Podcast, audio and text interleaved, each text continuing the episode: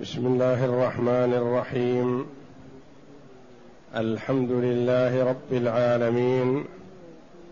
والصلاة والسلام على نبينا محمد وعلى آله وصحبه أجمعين. وبعد.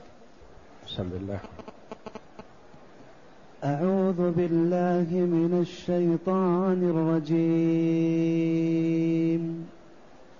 وإن يكاد الذين كفروا ليزلقونك بأبصارهم لما سمعوا الذكر ويقولون إنه لمجنون وما هو إلا ذكر للعالمين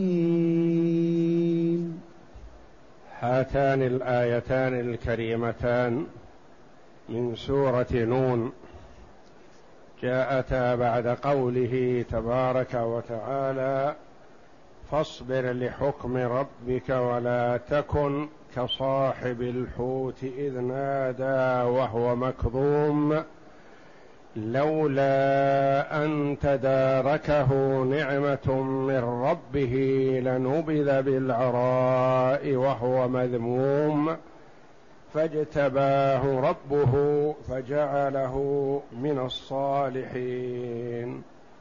وإن يكاد الذين كفروا ليزلقونك بأبصارهم لما سمعوا الذكر ويقولون إنه لمجنون.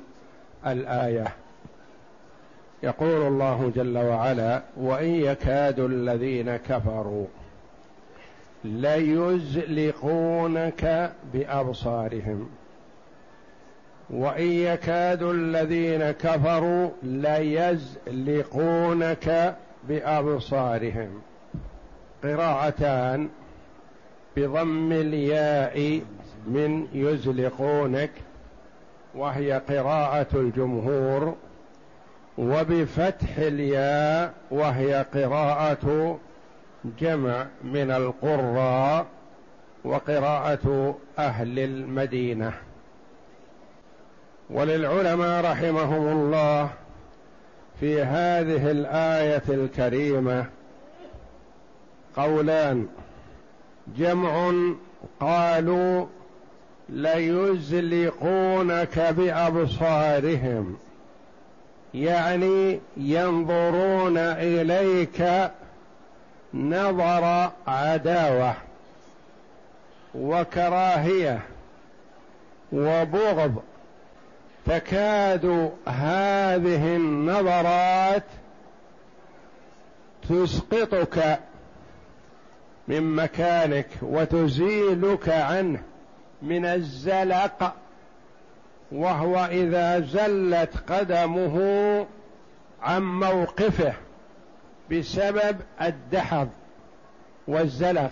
يقال أرض زلق يعني تزلق فيها القدم. يعني ينظرون إليك نظر يكاد هذا النظر يزلقك يسقطك من مكانك. وكما جاء عن العرب نظر إلي نظرا كاد يسقطني. نظر إلي نظرا كاد يقتلني. هذا قول لجمع من المفسرين رحمهم الله. قول آخر أن المراد من قوله ليزلقونك بأبصارهم يعني كادوا وحرصوا على أن يصيبوك بالعين. يصيبوك بالعين ليقتلوك بها فلا تقوم لك قائمة وحرصوا على هذا والآية الكريمة ما ينافي أن تصلح لهذا ولهذا لأن هذا من بلاغة القرآن الكريم أن الآية تأتي ممكن أن يستدل بها على معان عدة وكلها دلت عليها الآية.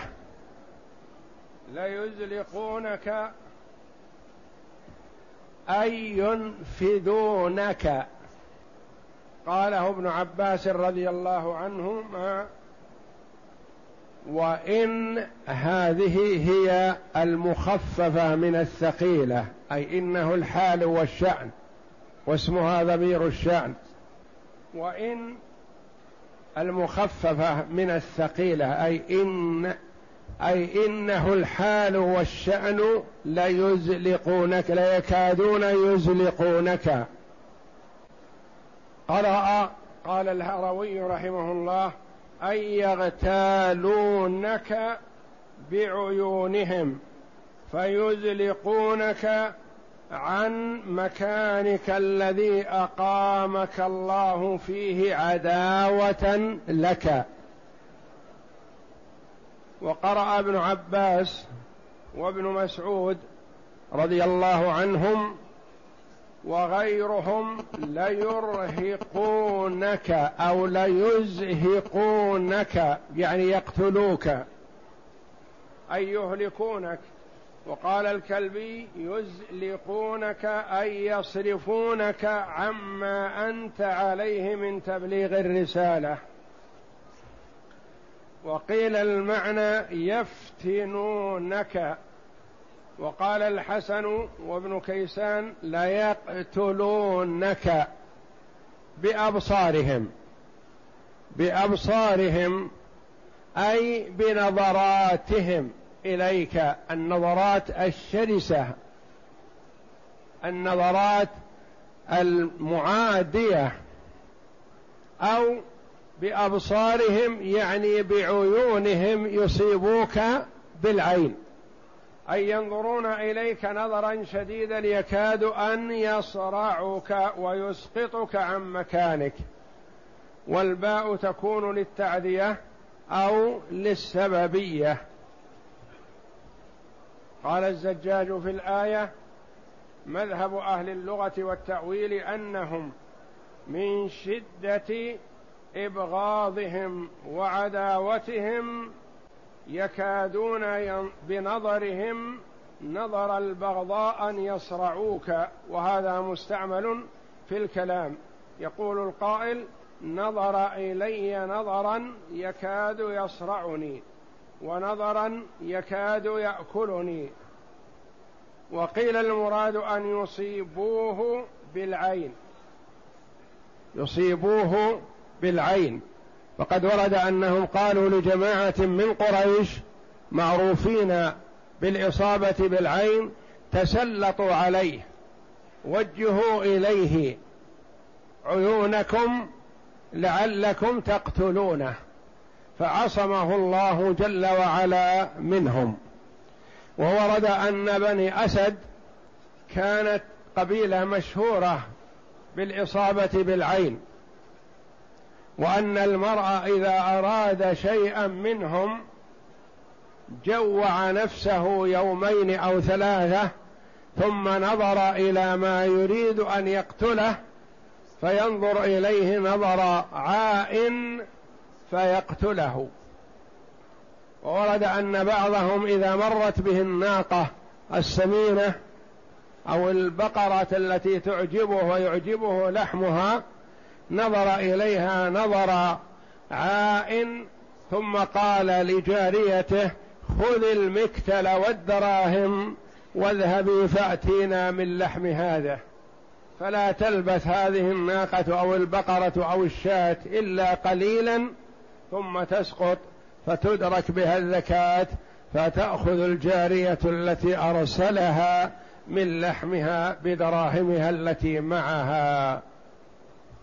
وورد أن قريش ذهبوا لهذه الطائفة من الناس واختاروا شخصا منهم أعطوه مبلغا ليصيب النبي صلى الله عليه وسلم بعينه فحماه الله جل وعلا وعصمه منهم. وقد قال النبي صلى الله عليه وسلم فيما رواه أبو هريرة رضي الله عنه العين حق.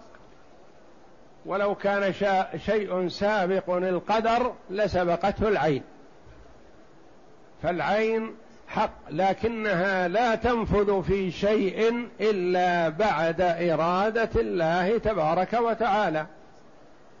وقد قال ابن كثير رحمه الله تعالى في هذه الآية دليل على أن العين إصابتها وتأثيرها حق بأمر الله عز وجل كما وردت بذلك الأحاديث المروية من طرق متعددة كثيرة. وقد روى مسلم في صحيحه عن ابن عباس رضي الله عنهما عن النبي صلى الله عليه وسلم قال العين حق ولو كان شيء سابق القدر سبقته العين وإذا استغسلتم فاغسلوا.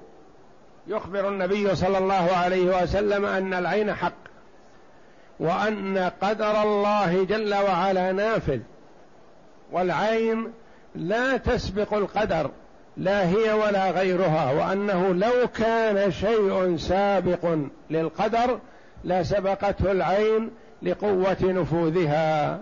ولذا قال صلى الله عليه وسلم وإذا استغسلتم فاغسلوا يعني لا ترفض. إذا طلب منك أن تغسل يديك ووجهك وركبتيك ومعقد إزارك لمريض مصاب بالعين فأعطه ذلك. ولا تبخل ولا تغضب. لأن النبي صلى الله عليه وسلم أخبر عن أحد من الصحابة أنه أصابته عين فقال من تتهمون؟ قالوا فلان. فأما فناداه النبي صلى الله عليه وسلم ولامه على ما فعل وقال إنه ينبغي للمرء إذا رأى شيئا أعجبه أن يقول ما شاء الله. وأمره النبي صلى الله عليه وسلم أن يغسل يديه ووجهه وركبتيه ومعقد إزاره ثم أخذ هذا الماء الذي اغتسل به هذا الرجل وصبه على المريض فبرأ بإذن الله. وقال الحسن البصري رحمه الله رقية العين وعلاج العين بهذه الآية الكريمة. وإن يكاد الذين كفروا ليزلقونك بأبصارهم لما سمعوا الذكر ويقولون إنه لمجنون. وروى البخاري وغيره. عن ابن عباس رضي الله عنهما قال كان رسول الله صلى الله عليه وسلم يعوذ الحسن والحسين يقول أعيذكما بكلمات الله التامة من كل شيطان وهامه ومن كل عين لامة. فكان النبي صلى الله عليه وسلم يعوذ ابنيه الحسن والحسين.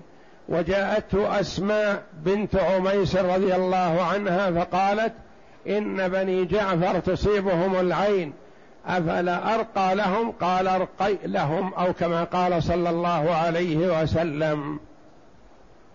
فالرقية حق وعلاج نبوي والعين قد تصيب المرأة لكنه لا تصيب لكنها لا تصيبه إلا بشيء قد قدره الله جل وعلا عليه وجعل العين سببا له.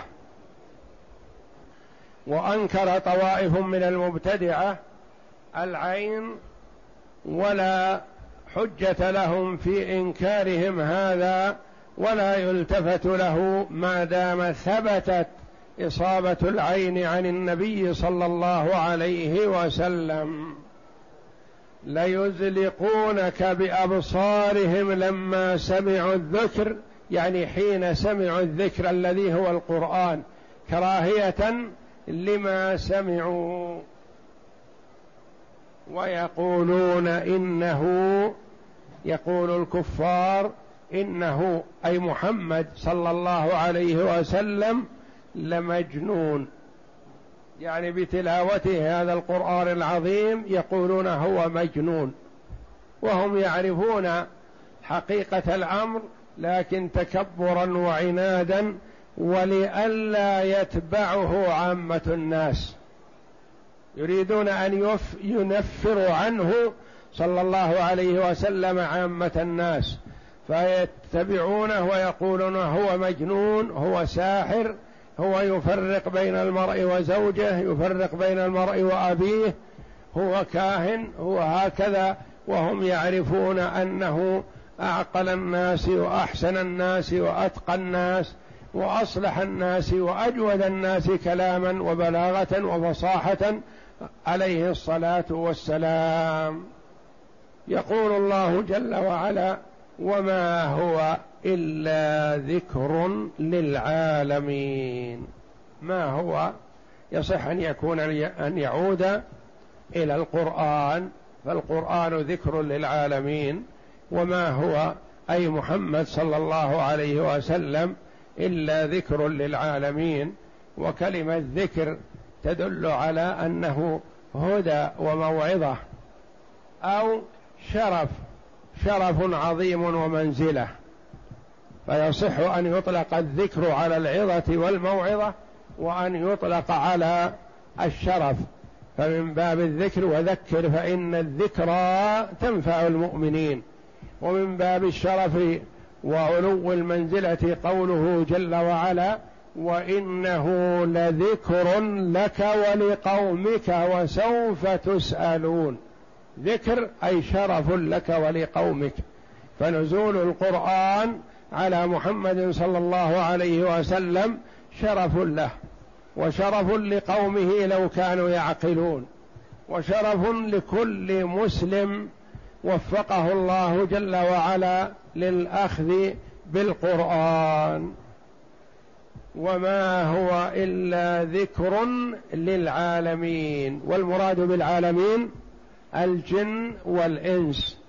فالنبي صلى الله عليه وسلم مرسل للثقلين وهو يبلغ القرآن الكريم للثقلين للجن والإنس.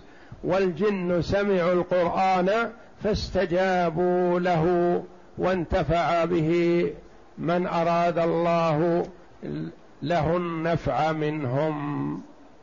يقول الله عز وجل وإن يكاد الذين كفروا ليزلقونك بأبصارهم. قال ابن عباس ومجاهد ليزلقونك لينفذونك بأبصارهم. أي ينفذونك ينفذونك. لينفذونك بأبصارهم أي بعيونهم بأبصارهم بمعنى يحسدونك لبغضهم إياك. لولا وقاية الله لك وحمايته إياك منهم. وفي هذه الآية دليل على دليل على أن العين إصابتها وتأثيرها حق بأمر الله عز وجل كما وردت بذلك الأحاديث المروية من طرق متعددة كثيرة.